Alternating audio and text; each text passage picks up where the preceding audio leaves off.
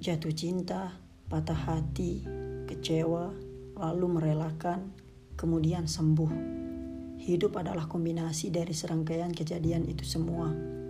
Dan podcast jeda dulu akan menemani waktu rehatmu dengan cerita yang mungkin membuatmu menemukan bahagia yang hilang.